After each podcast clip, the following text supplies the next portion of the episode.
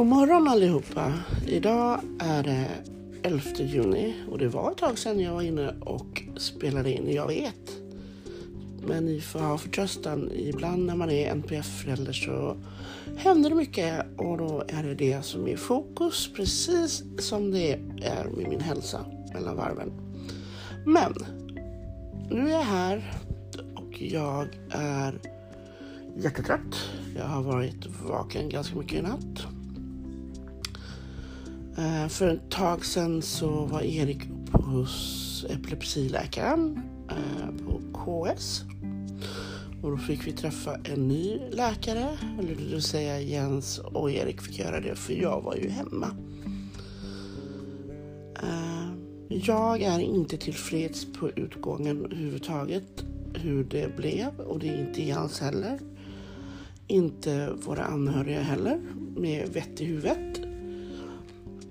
Eh, det är inte okej att tro att barn med NPF eller personer med NPF-diagnoser inte förstår orden och ordens betydelse och tyngd.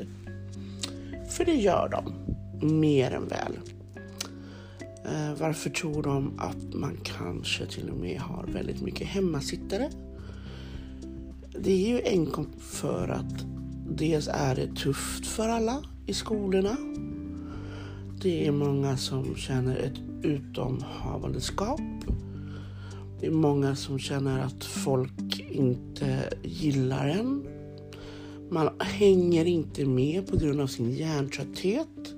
Men man förstår varenda jäkla mikroskopiskt ord Sen om man är försenad i talutvecklingen eller annan fas i deras utvecklingar hör inte dit.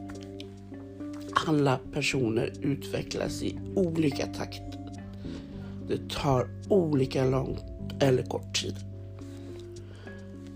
Det som jag mest är irriterad och förbannad på är att läkare, myndigheter som ska tro sig veta och ha kunskap om detta vräker ur sig de mest ruttna kommentarerna som existerar.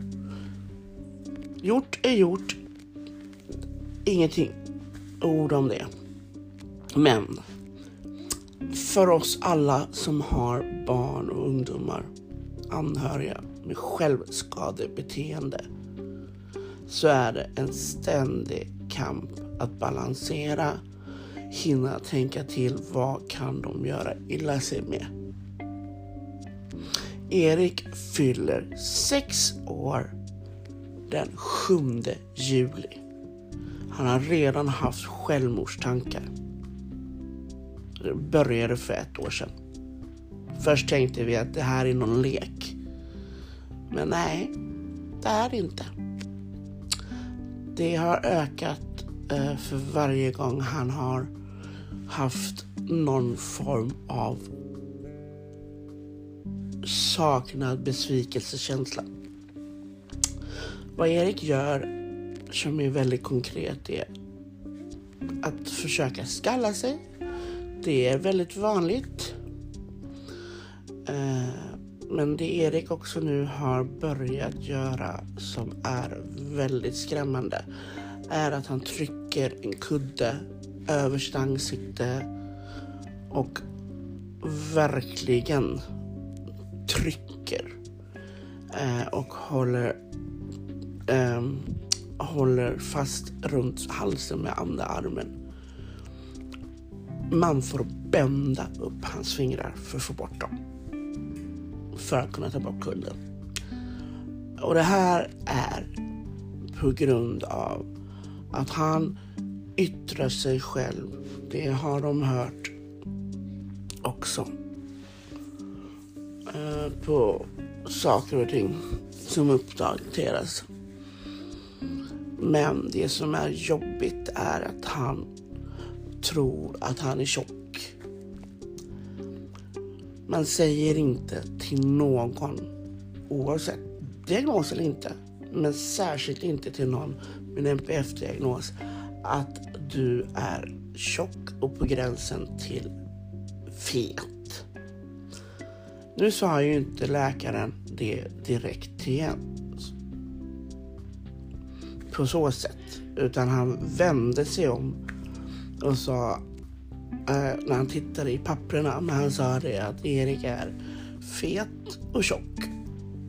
Om man tittar på hans kurva. Man kanske kan tänka till lite här tycker man som läkare på en, en inte NPF-kunskap, men en epilepsikunskapsavdelning.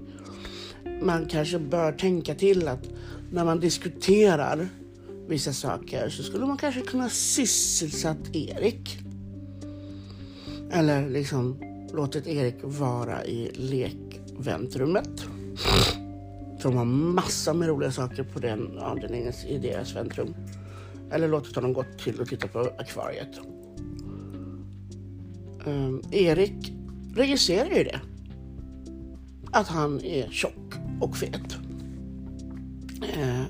Sen att han vill dö har väldigt mycket med att han har förlorat sitt husdjur.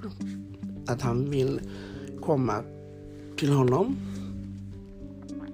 Att han har, har fått för sig att han inte duger. Jag kan inte, säger han när vi försöker få honom att förklara vad är det som gör att du vill dö. För mamma och pappa vill inte det. Vi älskar dig, du är världens finaste, du duger precis som du är. Varför vill Erik dö? Då säger han alltså konstant, hans mantra, hans känslor som är så starka är om att han är tjock, han är ful. Uh, ingen vill leka med honom för att han blir ju trött på eftermiddagarna. Men han har några kompisar på förskolan. Så att för den saken är jag inte jätteorolig. Utan jag är mer orolig på hur människor är klumpiga och inte tänker på hur ett ord kan såra och gnaga sig fast. Så vi har noll tolerans till att prata om att någon är tjock eller fet här hemma. Vi berömmer, vi öser beröm för att han ska bosa upp sitt självförtroende. Men jag lovar er. Att se sin son försöka skära sig för han fattar. Att se honom hämta saker för att göra sig illa. Han är för guds skull snart sex år. Det är inte okej. Okay. Och man är maktlös som förälder. Man är maktlös. Jag kan ju säga, här handlar det inte om att jag tänker rationellt, professionellt. Här tänker jag och är mamma.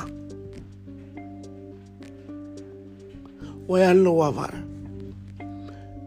skulle Erik lyckas i ett av sina självskadebeteenden så kommer jag stämma skiten ur den läkaren. Så enkelt är det. Så tänk på att ord skadar har större impact än vad man tror. Och våra barn med NPF är inte dumma i huvudet. De förstår innebörden av orden. De förstår, men det är kanske inte så jäkla säkert på att de ger svar på en gång. För de kanske för det första tänker du pratar inte med mig. Eller så är de hjärntrötta för alla intryck. Nu ska jag ta hand om min fina älskade Buddha som har kommit upp och har tag tagit på sig för skolavslutningen. Så ha en bra dag och tänk på att ord påverkar mer än vad ni tror.